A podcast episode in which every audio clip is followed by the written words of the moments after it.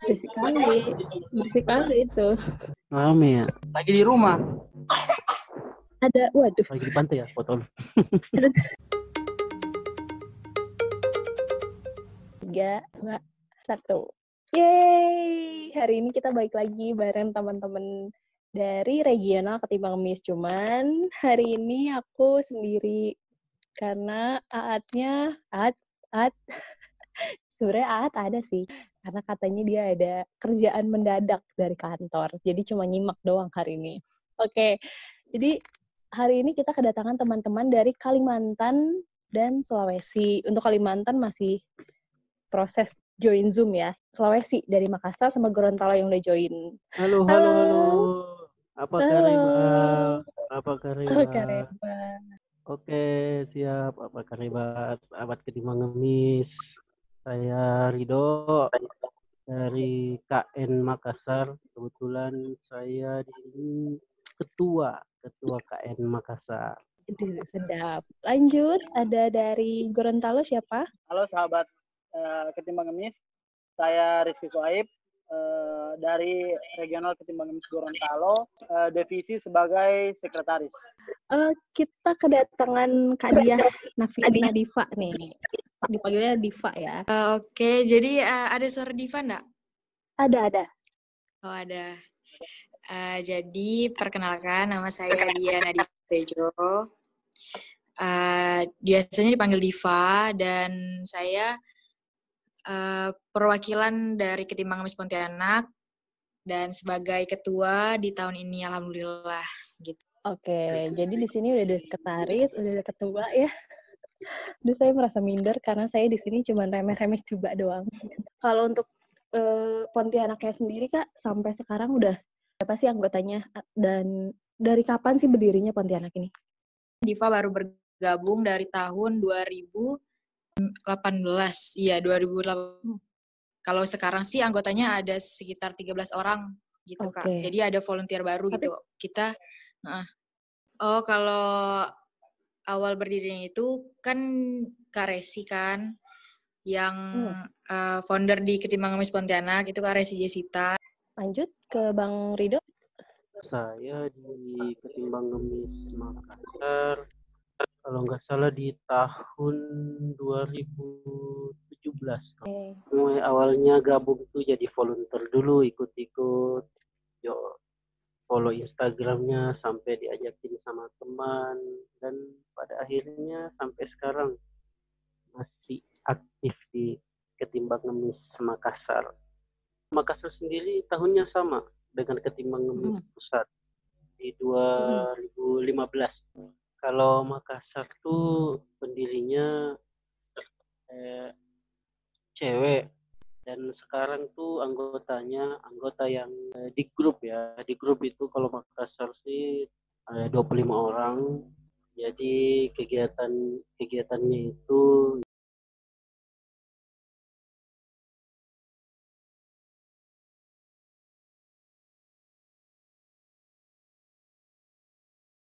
Jadi di Instagram ataupun di kegiatan lapangan aktif, cuman memang untuk kegiatan lapangannya bisa dibilang tidak terlalu padat gitu ya Bang kegiatannya. kebetulan saya sendiri admin iya nggak terlalu padat karena gitu eh, kebanyakan teman-teman tuh 95% kerja Kerja ya, iya 5 persennya menikah.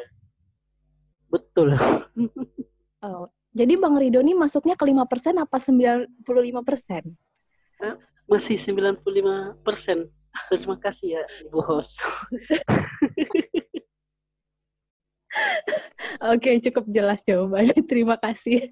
Iya, sudah sedikit jelas Oh, ya. gitu. Jadi jadi Iya. teman-teman Makassar seperti itu ya. Kalau lanjut nih, kalau misalkan dari teman-teman Gorontalo sendiri kayak gimana? Udah Eh, berapa banyak sih anggotanya dan pendirinya waktu itu siapa? saya eh, di Gorontalo kan terbentuknya Ketimbang Ngemis kan 2000 2018 eh, ta- tanggal 12 Juli 2018 Eh, kebetulan Hmm. saya join di join di KNG setelah eh, enam bulan berjalan Ketimbang Ngemis Gorontalo.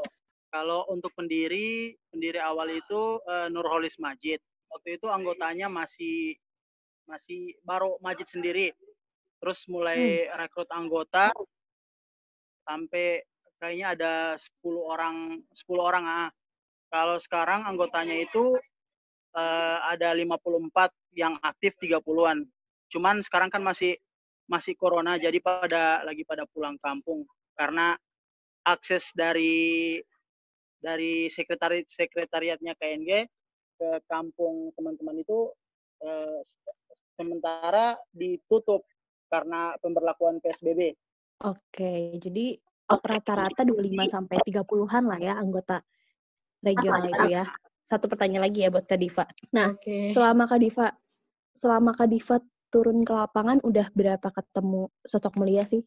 Terus paling jauh ke mana? Eh, kalau dari awal itu sih dari awal masuk ke Timang Miss Pontianak mungkin ada sekitar 20-an kali Kak eh, 20-an sosok mulia gitu. Kayak dari yang di Palipu, terus dari yang di Pat Temu Sapa Sosok Inspiratif, TSSI kalau di Ketimbang Miss Pontianak. Kubraya, berapa jam berapa jam dari tempat tinggal Diva? Eh, kalau dari tempat Dipa itu sekitar satu jam lebih lah. Oke. Iya. Itu suara napas siapa? Mau jawab.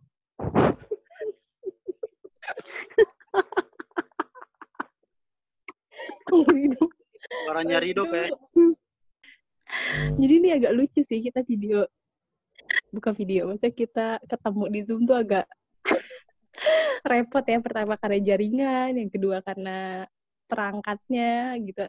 Jadi kalau ada suara-suara nafas atau suara-suara yang kurang terkendali, mohon maaf ya, sahabat ketimbang Miss. Oke, sekarang aku mau mengerucutkan lagi nih, mulai ke bagian paling pentingnya, lapangan.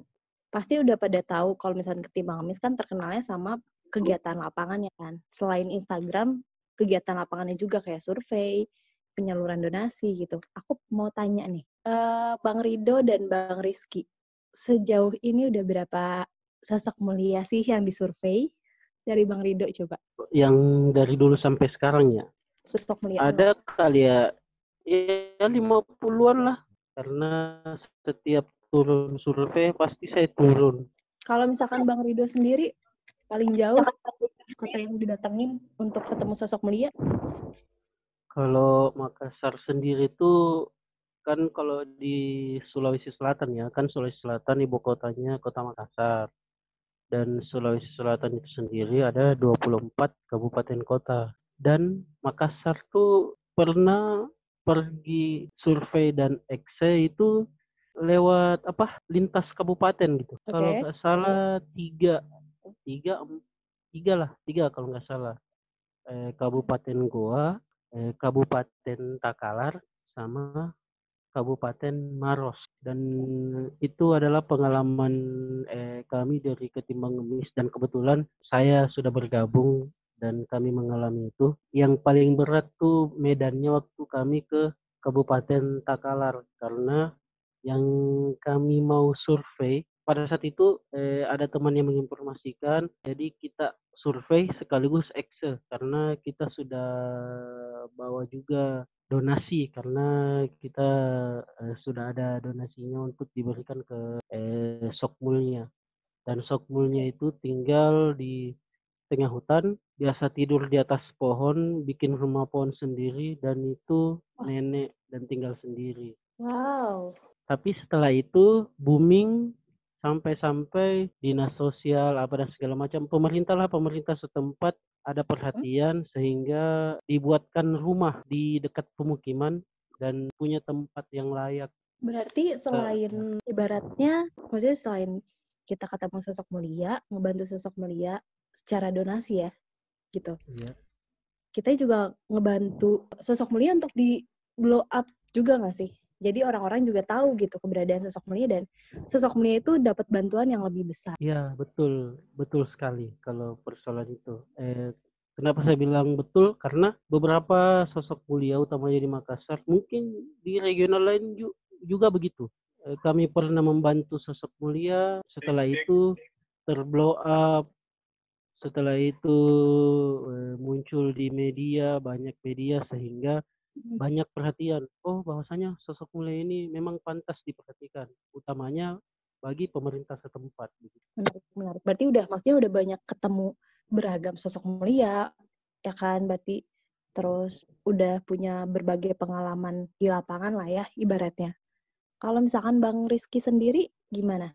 Eh, 50 kayaknya lebih karena kita kan eh, selain selain itu selain buka buka donasi di Facebook kita juga udah punya itu donatur-donatur tetap.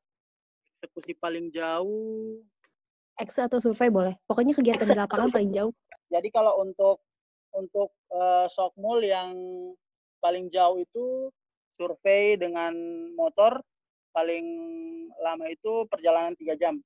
Di Koandang Nah, selain di Gorontalo pernah nggak sih bergerak di lapangan, entah survei, entah eksekusi donasi, itu keluar kota Gorontalo? Oh, kalau untuk survei di luar Gorontalo eh, belum belum pernah. Eksekusi kayaknya masih Gorontalo juga. Pasti lupa nih waktu itu yang pernah. Ya, lupa Pernah nih. Ya, lupa nih. Kan kita pernah ketemu, Ki. Iya iya iya iya. Yang paling jauh Jakarta. Kamu mudah melupakan ternyata ya. Oke. Jakarta, Makassar. Wow, berarti selama di Ketimbang Ngemis, selama membantu sosok mulia berarti eh, udah apa ya ke kota-kota lain juga berarti ya. Keren, keren, keren. Itu kan pengalaman yang menarik. Kalau misalkan ada nggak sih dapat pengalaman yang zong gitu? Ibaratnya kan kalau misalkan setiap survei atau setiap ekse kan tidak selalu mulus perjalanannya kan. Nah mungkin Iya, sahabat ketimbang ngemis juga tidak tahu apa yang terjadi gitu di belakangan eh di belakang layar. Kan sahabat ketimbang ngemis cuma ngelihat postingan Instagram regional aja kan misalkan Makassar atau Gorontalo memposting eh, sosok mulia gitu hasil survei atau hasil eksekusi. Padahal kan nggak tahu perjalanan di belakang kayak gimana entah kita keserempet motor kah entar kita kejeblos ke ke got kah kayak gitu kan. Nah selama survei atau eksekusi pernah nggak sih ngalamin ngalamin hal-hal yang zong gitu entah taunya udah jauh nih kan perjalanannya tiga jam taunya pas nyampe rumahnya wah kita malah yang harusnya didonasiin gitu pernah nggak sih Iya, iya. ketemu hal-hal lucu lucu tapi zong gitu dari bang Ridho lu boleh ya kalau Makassar sendiri pernah. Tentunya pernah. Dan itu saya alami sendiri. Oke. Saya yang mengalami pada saat itu kami mensurvei. Jadi eh, Sokmulnya ini baru mau disurvei karena banyak DM, banyak informasi kita dapatkan. Jadi eh, sa- pada saat itu saya berlima, berenam kalau nggak salah survei. Kami sampai mengejar sosok itu dan sosok mulianya itu kehilangan jejak oke kehilangan jejak diburu sampai dapat rumahnya kita dapat oh di sini katanya di sini kita lewat gang lewat kita saja orang Makassar belum pada saat itu belum pernah melewati jalan itu jalan tikus jalan kecil. oke dan pada saat eh, dapat informasi katanya oh rumahnya di sana. Kita sudah masuk rumahnya memang reot ya begitu begitulah. Pas kita masuk kita sudah jabat tangan apa dan segala macam. Ternyata orangnya salah Jadi Orangnya udah- kami dari iya kami salah orangnya ternyata dia memang ya eh, belum lansia juga sih tapi dia itu tunanetra tapi peminta-minta gitu Hmm, jadi Nah. ibaratnya tidak sesuai kriteria sosok mulia gitu ya. tidak sesuai dan memang bukan orangnya itu kita juga salah orang gitu. jadi double gitu Jadi ibaratnya kalau misalkan udah kesesat di labirin, nyangkut pula gitu ya. iya betul jadi Tuh, kita Tapi itu yang pas ya ya pas keluar dari rumahnya kita masih kalem-kalem itu berenam pas keluar dari pekarangan kita ketawa situ ketawa bersama-sama menertawai diri kita tapi tapi eh, setelah itu nyesal nggak sih? Maksudnya, aduh, gua nggak mau survei lagi ya, gitu. oh enggak lah itu jadi pengalaman yang bisa dibilang unik ya itu kayak Unik. Bumbu-bumbunya lah dalam apa survei gitu dan pada Oke. akhirnya besoknya kita dapat dan memang layak dibantu Layak dibantu. Itu orang Iya. yang sama atau orang yang beda? orang beda lah udah didapat yang aslinya nih yang Oh iya maksudnya tar- target target yang sama Ya. kan. Udah udah ketemu orang yang tepat. iya orang yang tepat ketemu sesuai target yang di listnya kita Oke. Menarik, menarik, menarik. Lucu juga sih ya. Aduh, lanjut. Oke, kalau Bang Rizky sendiri gimana dari Gorontalo? Dari Bang Rizky deh, pernah nggak? Ya. Nah, kalau itu kalau untuk survei kejadian lucu juga itu pas pas yang ini yang perjalanan tiga jam juga Oke. Terus? dari dari sekretaris sekretariatnya KMG perjalanan Hmm. tiga jam pas sampai sampai rumahnya Solia Hmm. kita masih disuruh pulang dulu katanya belum belum menerima tamu. Bayangin perjalanan tiga jam. Perjalanan tiga jam. Capek-capek pas nyampe katanya disuruh pulang dulu. Nanti datang besoknya lagi. Waktu itu berapa orang yang survei? enam motor. Berarti 12 Enam orang. motor. Wah, banyak juga. Itu mau survei mau Iya. arisan? Rame banget. Oke, menarik sih ceritanya. Lanjut ya. Tes-tes, Kak Diva. Iya tes tes. oke mantap Ini baru tahu kayak gimana pakainya. Itu ada mute, ada unmute. Jangan sampai nanti udah ngomong panjang taunya. Iya tadi tadi di mute. Oke, lanjut ya. Eh, ke Kak Diva lagi. Tadi udah 20 sosok mulia. Terus paling jauh itu satu jam dari rumah ya. Itu yang paling jauh. Nah, sekarang aku mau tanya, pernah nggak sih selama terjun ke lapangan, survei sosok mulia atau eksekusi donasi sosok mulia, ekstremnya jarang sih kayaknya ya. Yang survei deh, pengalaman survei yang zong banget, tapi lucu gitu. Eh kalau zong sih lebih ke yang jadi tuh kayak waktu itu tuh kita kalau kita nentuin TSSI kan temu sapa sosok inspiratif kan itu setiap sebulan itu kayak kita ngumpulin empat sosok. Nah kayak kita mau eksekusi yang mana nih gitu. Terus kita survei, survei yang paling membutuhkan. Jadi waktu itu ada satu kita pilih. Nah jadi kita survei, eh, maksudnya kita datang ke rumahnya lah. Kita udah tahu alamatnya kan.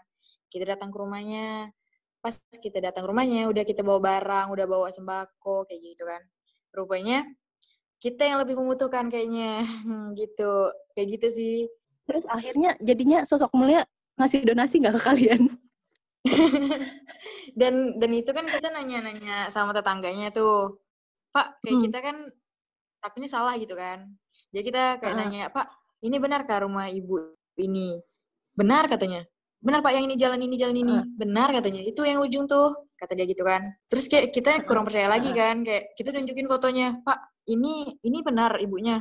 Ibunya yang itu tuh yang anaknya pesantren gitu. Terus kayak yang suaminya di rumah. Terus? iya kata bapaknya. Ibu ini kan katanya. "Ha-ha, yang jualan pisang gitu kayak gitu kan. Terus ya udah kayak kita mikir lagi kan padahal kita udah bawa barangnya gitu udah bawa sembako gitu kan. Nggak mungkin kita pulang ke rumah lagi.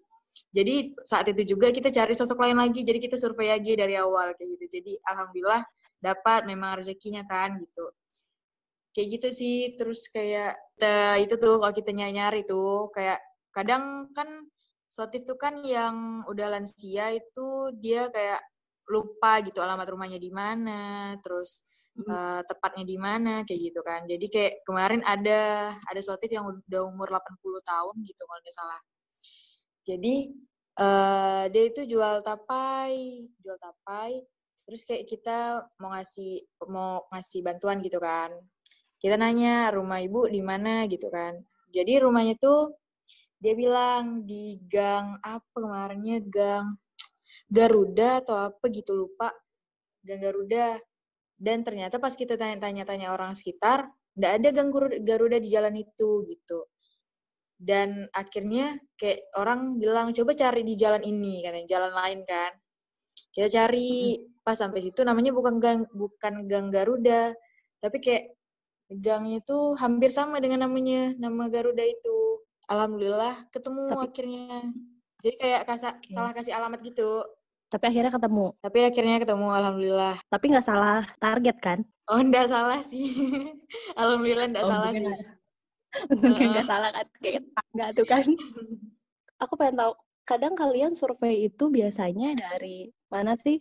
Maksudnya dari Instagram doang, info dari Instagram doang atau gimana? Karena kan eh, mungkin ada beberapa sahabat ketimbang mis yang nggak tahu alurnya ketimbang mis itu seperti apa kan. Nah, Mm-mm. eh, kita tuh biasanya merepost sosok mulia yang memang didapat dari sahabat ketimbang mis biasanya kan entah DM, entah dari tag dari tag gitu kan, dari postingan yang kita repost gitu. Nah, setelah itu itu kan infonya pure 100% dari netizen biasanya kan, dari sahabat ketimbang kemis. Terus baru itu kita sama sekali nggak punya info lagi biasanya kan. Jadi kita biasanya turun survei itu berdasarkan informasi yang ada di captionnya sahabat ketimbang kemis atau di kolom komentar. Makanya kenapa biasanya ketimbang kemis regional selalu mencantumkan kan kalau misalkan ada informasi lainnya taruh di kolom komentar. Biasa gitu kan ya. Kalau kalian sendiri biasanya surveinya itu informasinya ada nggak sih dari luar? Apa hanya cuman dari uh, info netizen yang di Instagram aja dari Kak Diva dulu? Hmm, kalau eh, jadi kalau dari Diva itu kalau ke Timangmus Pontianak kan memang volunteernya kan eh, ini kan langsung turun ke lapangan cari liputan sendiri. Terus dari selain itu liputan itu ada dikirim dari masyarakat di Pontianak gitu. Kayak ada beberapa ngirim berita ke kita gitu.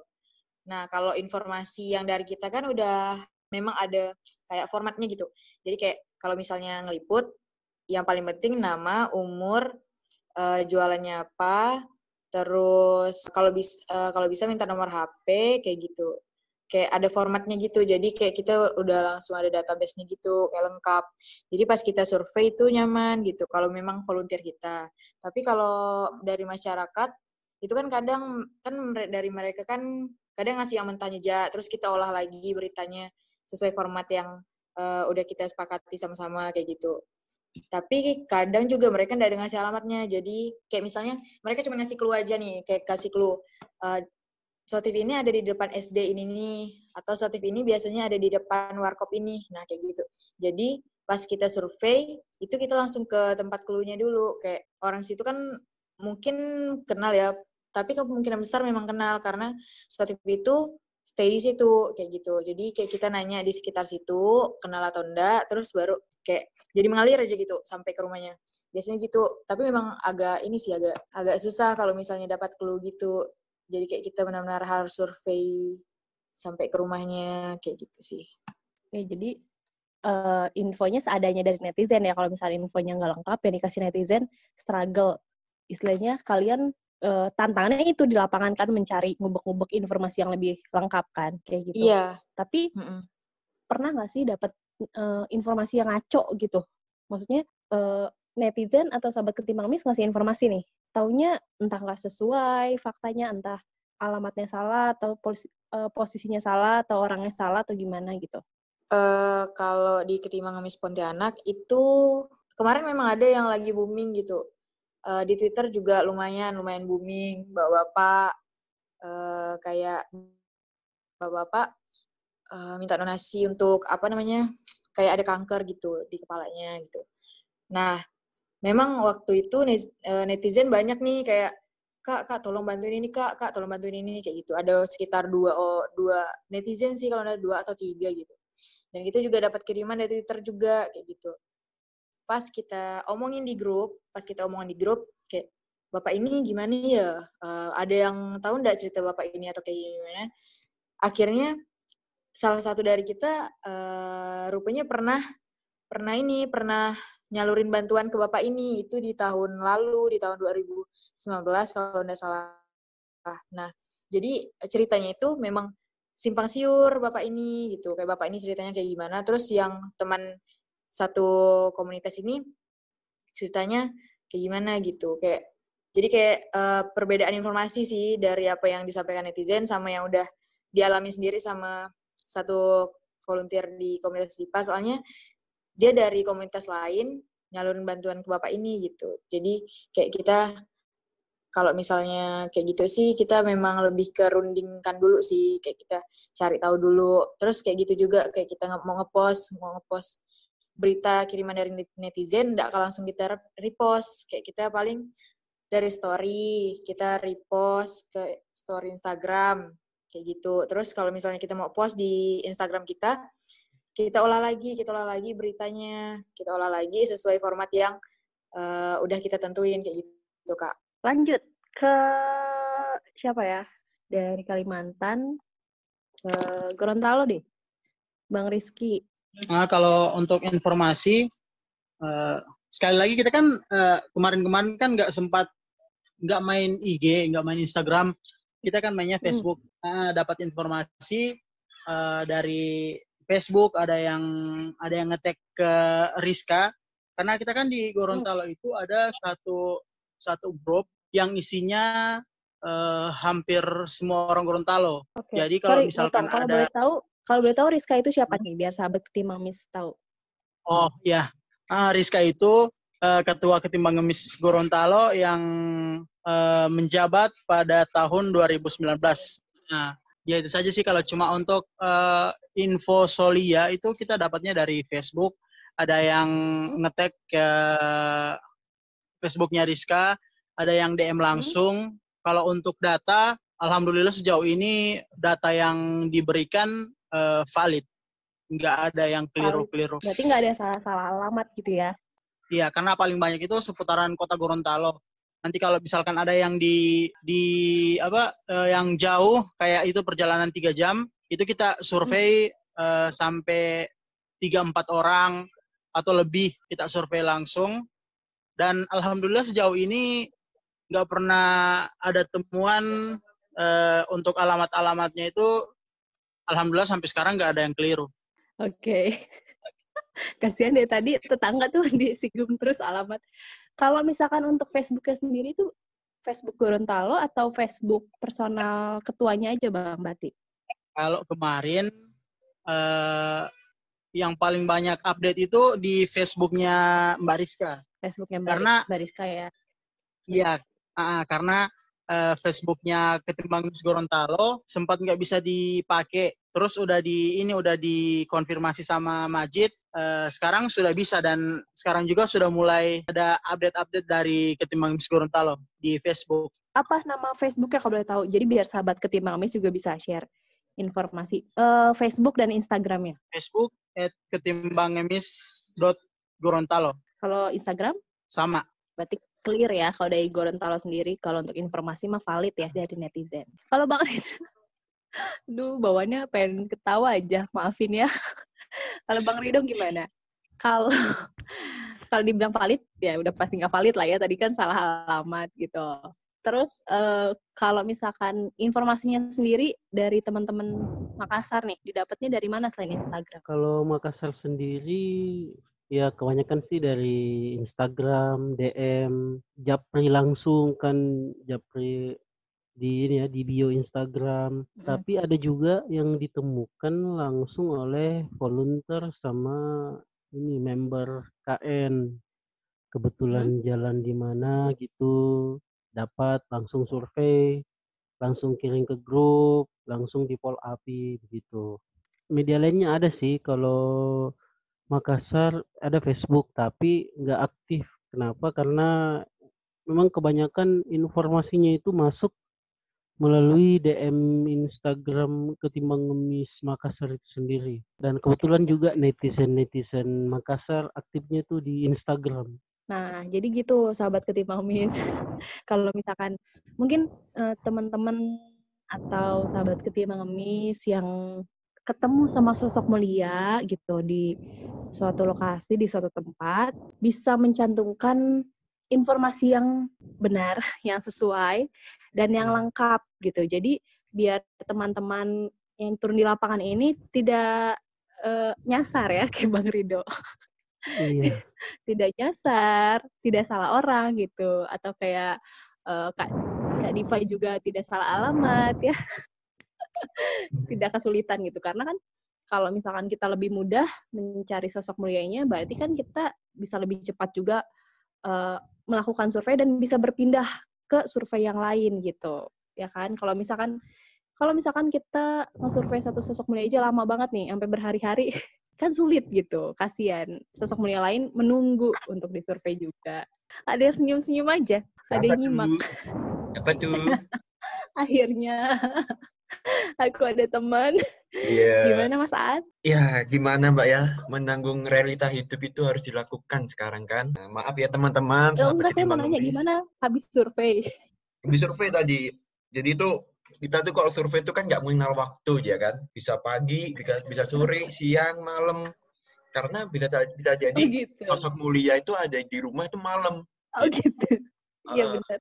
Terkadang, tapi kita nggak sering lah. Karena kalau malam kan eh, bisa mengganggu waktu istirahatnya beliau. Karena siapa tahu eh, besok beliau pagi udah berangkat lagi. Betul, betul, betul. Tapi memang ada beberapa sosok mulia yang memang kita butuh ke lapangannya malam karena dia pagi atau siang tidak jualan tapi jualannya malam gitu kan Mas ya Iya, beraktivitasnya sih. malam Betul seperti itulah kegiatan lapangan ketimbang ngemis oke kalau misalkan eh, sebelum lanjut ke pertanyaan selanjutnya nih Hmm. masih dalam lingkup pertanyaan yang sama dari teman-teman biasanya apa sih informasi yang paling penting banget dibutuhin saat survei gitu kalau misalkan dari Bang Rido sendiri Ya, kalau informasi yang paling penting ya, yang pertama itu yang sesuai dengan kriteria sosok mulia dari ketimbang ngemis itu sendiri. Apa aja Maksudnya tuh? itu ya, ya kayak dia itu eh, berjualan,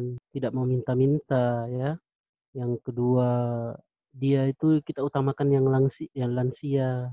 Dan yang ketiga memang dia semangat untuk mau berusaha begitu beda dengan yang mengemis dan di situlah kami eh, mungkin semua regional pun begitu mengembangkan bahwasanya kita pergi ke lapangan mensurvei apakah mencari tahu bagaimana sosok mulia ini bagaimana di mata tetangga bagaimana kehidupannya sebenarnya karena ketimbang ngemis Makassar sendiri pernah mendapatkan sokmul itu sosok mulia itu ternyata anaknya itu semua sukses pegawai negeri.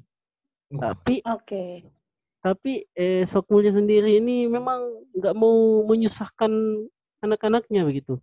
Sudah dilarang sama Hmm. anak-anaknya. Tapi eh, di situ kita bisa jadikan dia sebagai sosok inspiratif begitu. eh, Bang, Mungkin itu yang ini. dari saya. sama ini nggak Bang? Boleh mencontohin nggak? Mungkin pakai bahasa daerah gitu, biar teman-teman di luar Makassar tuh tahu juga, oh ini loh ketika teman-teman ketimbang Miss Makassar itu berbicara itu pakai bahasa daerah seperti ini gitu. Oh ya ya boleh Nah. boleh boleh. Contoh aja Bang, satu Setuju. satu kalimat gitu. Ini contoh ya. Nggak ada kamera Bang, Pokoknya ya. Bang. Ini kamera HP.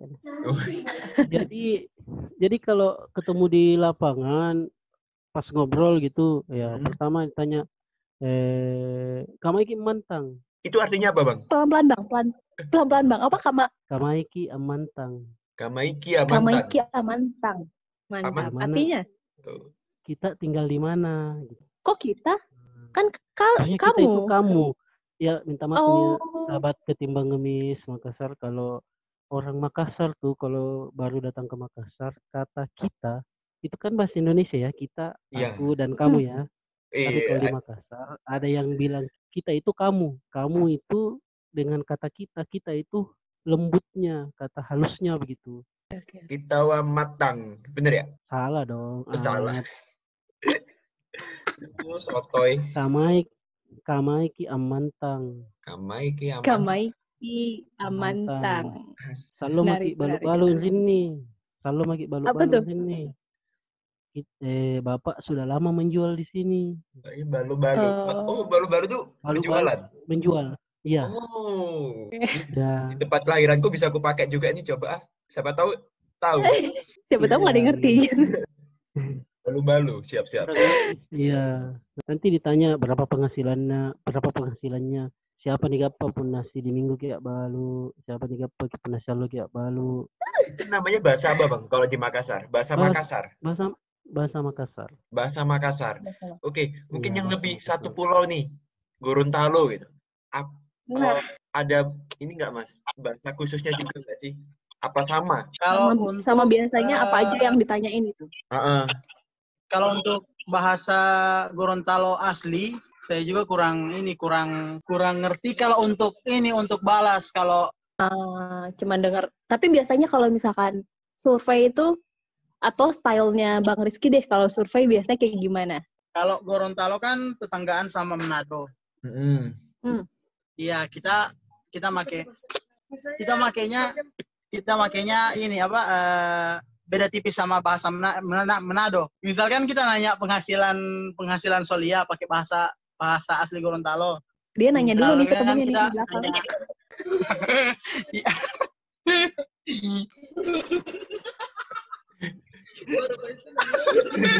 Baru belajar.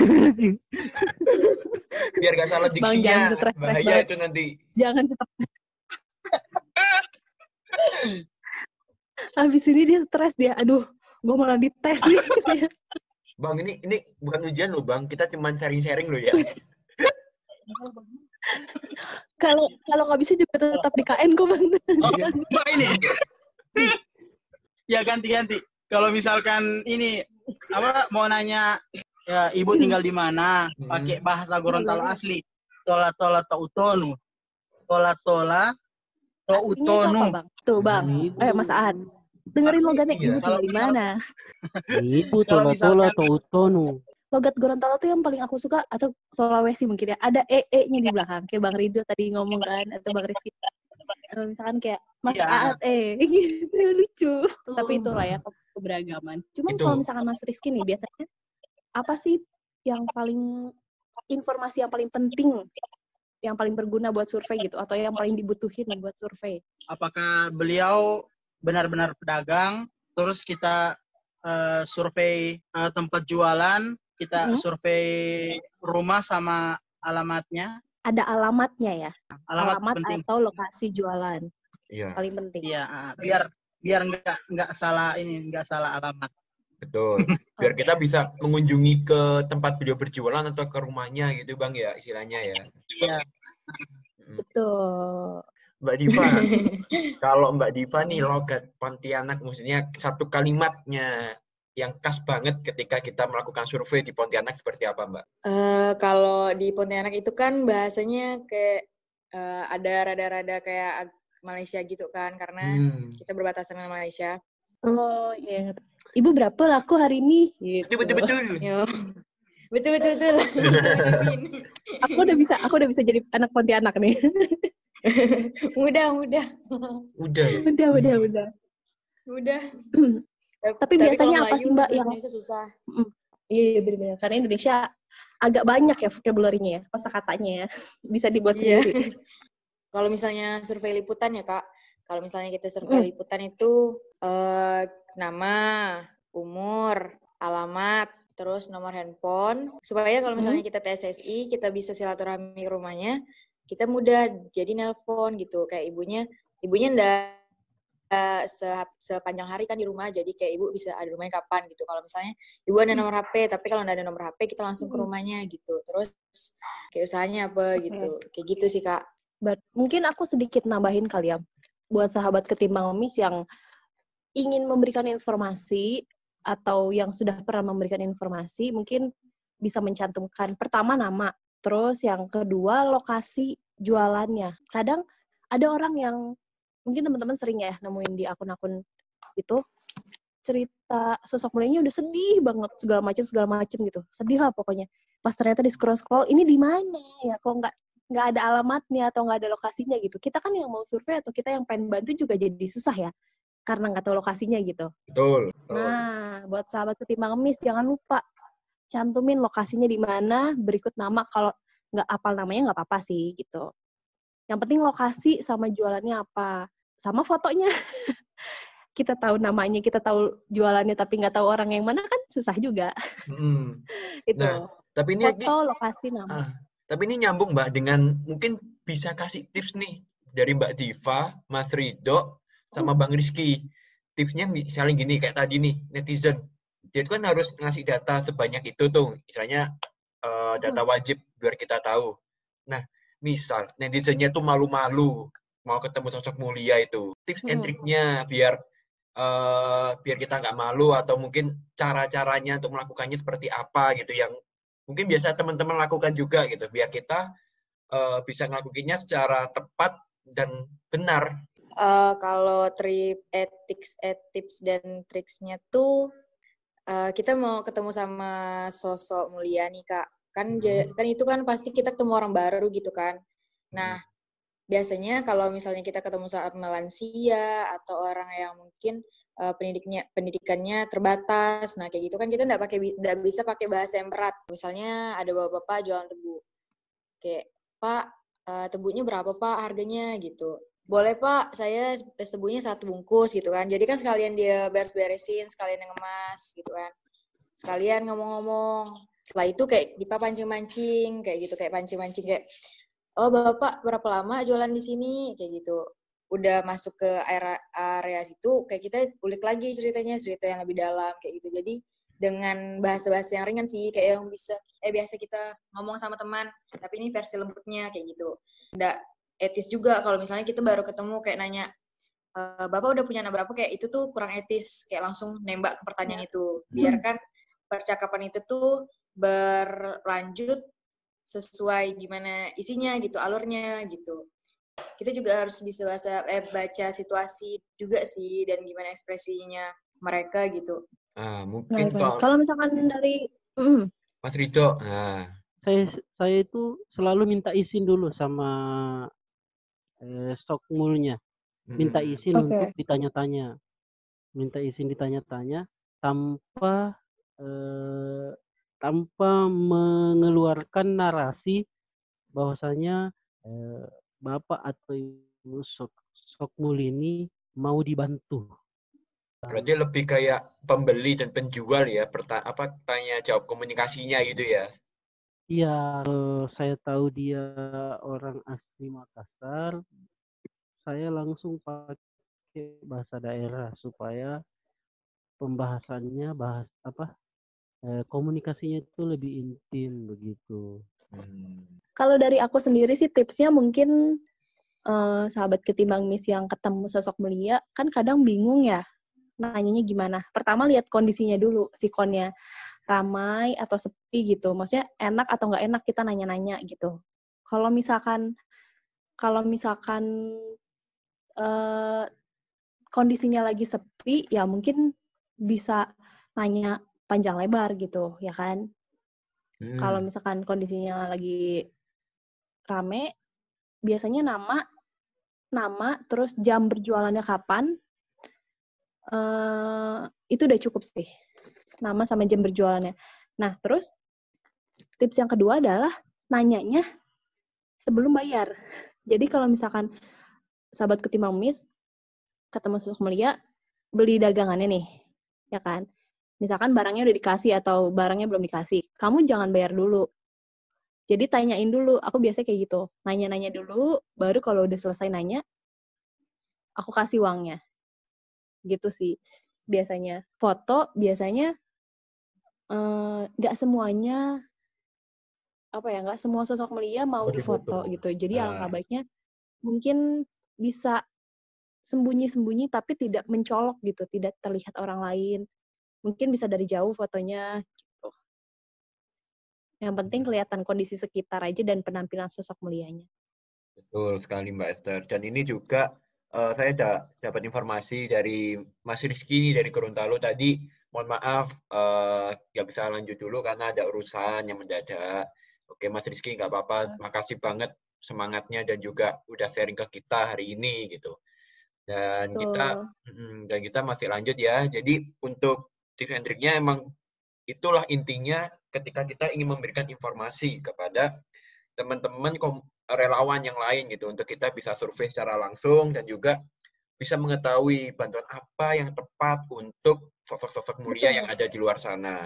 Nah, kalau kita Betul. berbicara masalah sosok mulia juga dari kegiatan surveinya Kak Diva dan juga Mas Rido dan teman-teman yang ada di regional tersebut, uh, ada nggak sih sosok mulia yang berkesan atau inspiratif, inspiratif atau bikin menangis itu rasanya. Kayak uh, ngelihat mbak siapa atau bapak siapa, ibu siapa, kok merasa kok aku ingat keluargaku di rumah atau aku melihat perjuangannya beliau menjadi inspiratif bagi saya, inspirasi bagi saya atau lebih semangat atau terharu dengan perjuangannya beliau gitu? Karena sih ada eh, satu sosok mulia, dia itu berjualan di pasar, tapi eh, apa lapaknya itu kecil dan dia ambil di depan lapak orang begitu, karena jualannya memang juga cuma sedikit. Jadi kalau nggak salah namanya, kalau nggak salah ya ini sahabat Hmm. ketimbang ngemis, kalau nggak salah namanya nenek nenek Hudaya kalau nggak salah. Nenek Hodaya. Eh, Iya kalau nggak salah. Dan dia tinggal di dalam pasar. Malam pasar. Di dalam pasar itu ya kayak kamar petak-petak sih tapi bukan kayak kamar gimana ya di dalamnya cuma tempat tidur gitu berapa kali berapa sepetak dan tinggal sama cucu iya kalau nggak salah cucu tapi cucunya pun itu Down syndrome Hmm. Cucinya Iya, Down keterbatasan ya, Mas ya. iya Down syndrome itu kalau nggak salah. Jadi ya semangat gimana ya semangatnya semangatnya berjualan gitu. Itu tidak ya lapaknya depan lapak orang gimana sih? Pernah lihat pasar gitu? Ya meja kecil pers- persegi yang ukurannya mungkin 50 kali 50 kalau nggak salah. 50 cm kali 50 cm ya di situ berjualan sayur Hmm. Oke, oke, oke. kayaknya Berarti berarti itu benar-benar apa ya? eh, cerita yang di sisi lain lah orang-orang yang mungkin cuma lewat tinggal lihat doang oh beliau bersama dengan cucunya jualan sayur doang Iya. tapi belum tahu ternyata di balik semua itu beliau punya keterbatasan yang luar biasa itu Bang ya. Iya, teman-teman mungkin sahabat ketimbang bisa berpikir dan teman-teman yang ada di sini gimana tinggal di dalam pasar, jualan di pasar, tinggal sama cucu yang eh, apa mempunyai keterbatasan pula. Jadi bisa dibilang ya keterbatasan di dalam keterbatasan gitu. Hmm. Tapi semangat untuk eh, menjalani hidup itu yang perlu kita contoh. Hmm, hmm, hmm. Betul, Iya. betul, betul. Eh, tapi eh, ada nggak sih Mas yang di Makassar nih sosok mulia yang dia itu berusaha, dia itu berjualan, tapi dia itu bukan untuk cari duit gitu. Ada nggak? Mungkin Eh, dia kayak, aduh Mas kalau di rumah saya malah sakit semua, makanya saya berkeliling, bekerja gitu. Ada, ada, ada. Ada. Kalau itu ada. Hmm. Dan setelah kita survei, kita datangi, kita dapat alamatnya, cerita-cerita dari keluarganya, ya begitu. Yang dia bilang, saya kalau tidak punya kesibukan, ya sama kayak gimana ya? Kalau kita kita sendiri ini kayak punya rutinitas, harusnya punya rutinitas. Hmm. tiba-tiba eh, tidak punya rutinitas gitu. Dia kayak boring apa sih bahasanya ya. Tapi yang dia katakan itu pada saat itu, eh, saya tidak bisa tinggal di rumah, saya harus jalan karena eh, bukan untuk mencari uang laku tidak laku pers- persoalan di belakang gitu. Yang jelasnya saya harus beraktivitas begitu. Hmm. Bisa jadi itu malah olahraganya beliau iya, ya Mas ya. jualannya itu jualan sayur tapi nggak pakai kendaraan yang di ini dipikul gitu Hmm, hmm, hmm, hmm, hmm. Berarti masih ada lah orang-orang yang berkegiatan istilahnya untuk ya apa ya buat badan tuh tetap segar gitu. Nah, mungkin Mbak Diva nih. Mbak Diva gimana, Mbak? Eh, kalau cerita eh, sotif di Pontianak itu Mhm. ada satu nenek-nenek itu udah sekitar 80 tahun, udah hampir 90 sih kayaknya. Tapi masih kuat gitu. Eh, nenek-nenek itu jualan sayur keliling, Uh, jualan sayur keliling. Sayurnya dipakul di ini di bahu, terus neneknya jalan pakai tongkat gitu. Itu Oh. neneknya jalan pakai tongkat. Berarti Ya, jalan nggak kuat jalan mas Mbak ya? Aslinya. Iya masih sekolah jalan itu kayaknya ah itu kayaknya 80-an tahun deh kayaknya. Soalnya nenek juga lupa umurnya. Mm. Tapi nenek bilang, biasanya orang bilang saya umurnya 80-an tahun gitu atau 90 dia bilang gitu. Oh. Terus eh nenek nenek itu jualan tuh jauh gitu kan dari rumahnya karena kemarin kita sempat SSI datang ke rumahnya pas sebelum itu itu tuh sebenarnya berita kiriman dari orang tapi karena berita masih masih apa namanya belum lengkap Mm, gitunya informasinya. Jadi kita survei langsung ke rumahnya. Kita survei langsung, lihat keadaan rumahnya dan neneknya tinggal sendiri, itu kan. mm, mm. Neneknya tinggal sendiri, benar-benar sebatang kara, nggak punya anak, kayak gitu. Suaminya juga ndak, udah ndak ada. Jadi pas itu di Dipa sama Kak Resi, Dipa sama Kak Resi yang ketemu neneknya. Mm. Di situ nenek cerita kayak pernah waktu nenek dulu jualan, nenek eh, kena tabrak orang dari belakang. Dan itu Waduh. kaki nenek. Iya kayak eh, kena tabrak kalau nggak salah mobil atau motor gitu. Kena senggol orang. Iya. Iya. Senggol. Jadi nenek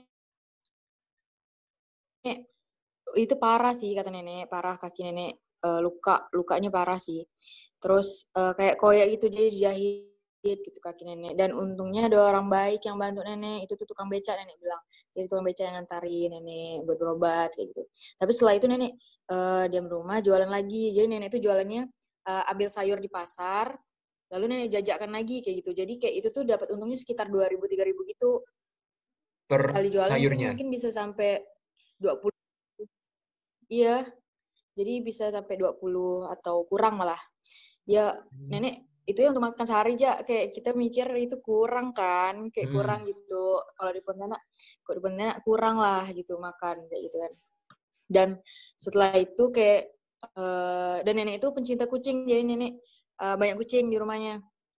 Dan rumahnya tuh memang mempri- memprihatinkan sih. Kata nenek itu rumahnya rumah tetangga sebelah. Itu tuh benar-benar sepeta gitu sepeta.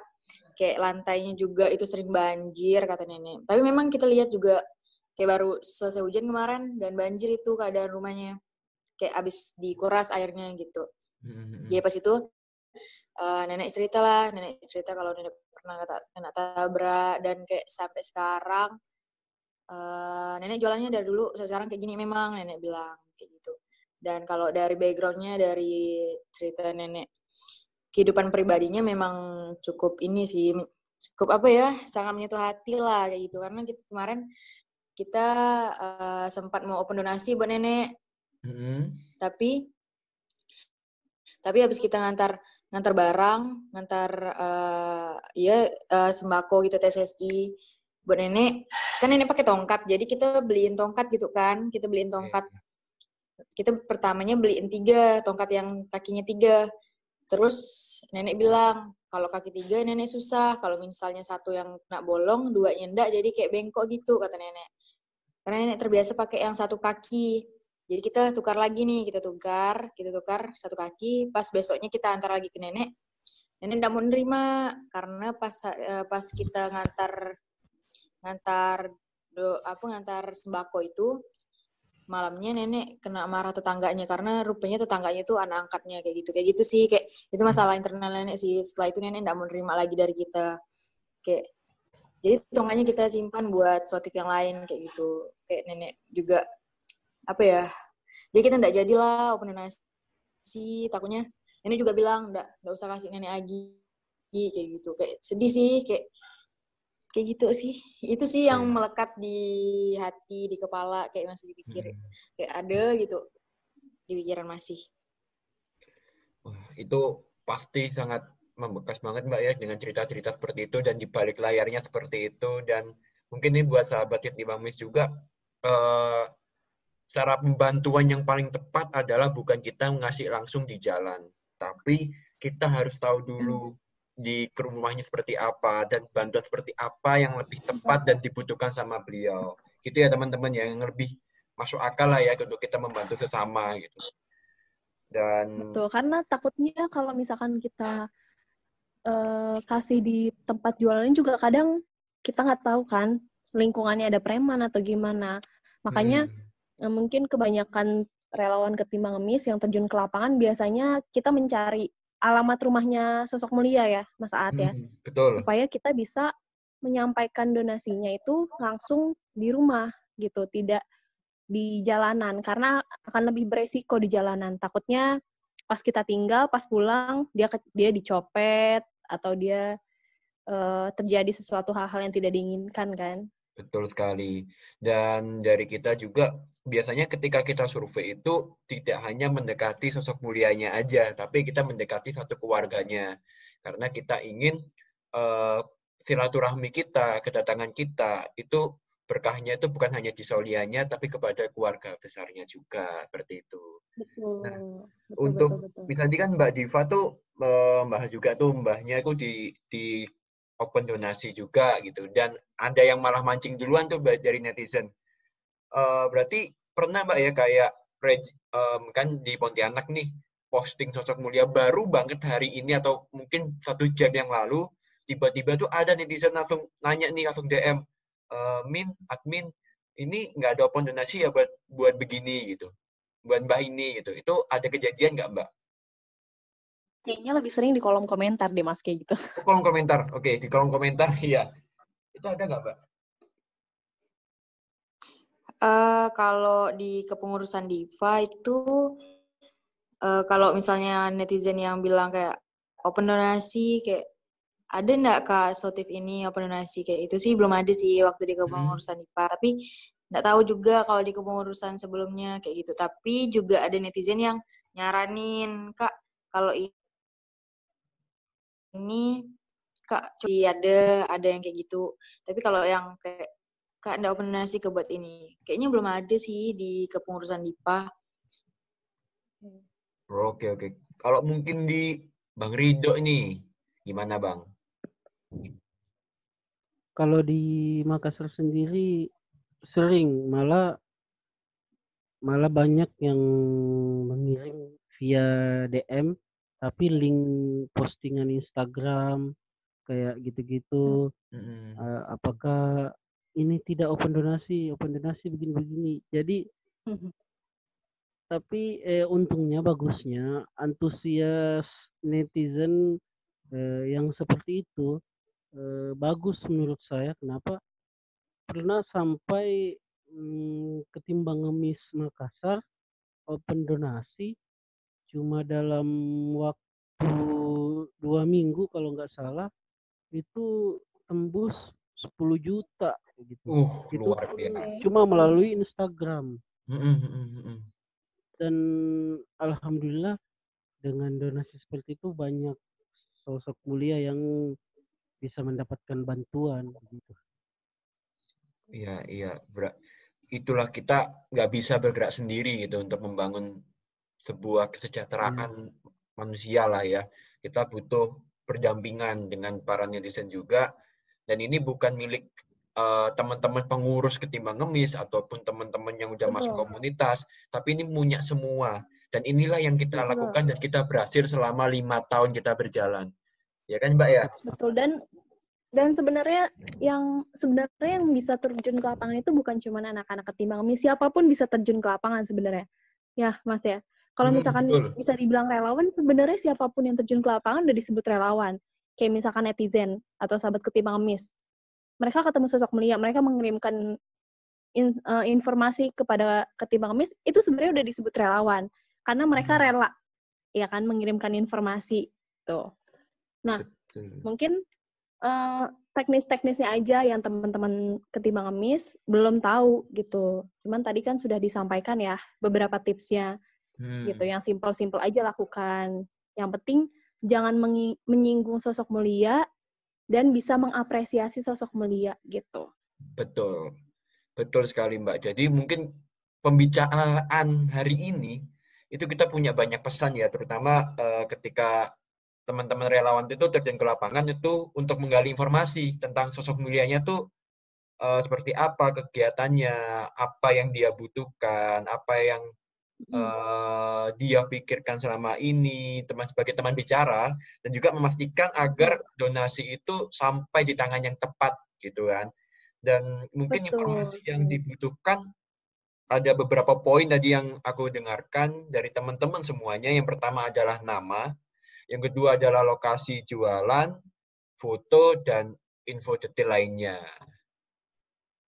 Eh, semoga bisa setelah podcast ini teman-teman ketimbang Miss bisa lebih banyak yang terjun ke lapangannya. Jadi lebih bisa berpartisipasi dalam membantu sosok mulia. Karena kan membantu sosok mulia tidak hanya melalui uang tunai aja kan ya Mas ya? Betul. Eh, kita beli dagangannya beliau itu udah sangat membantu sekali. Kita sangat Betul. menghargai sekali itu. Jadi ada ba- bagiannya masing-masing. Betul sekali. Dan mungkin ini penutup ya Mbak Esther ya. Hmm, Iya, Wah. jadi tidak terasa ya. tidak terasa udah tiga jam kita bersama di sini. Wah, enak. Alay banget. Jadi YouTube aja. Ya, jadi terima kasih banyak ya Mas Rido udah menyempatkan waktu. Thank Terima you. kasih banyak Mbak Diva. Ya, Terima kasih banyak tadi Mas Rizky. Sama-sama.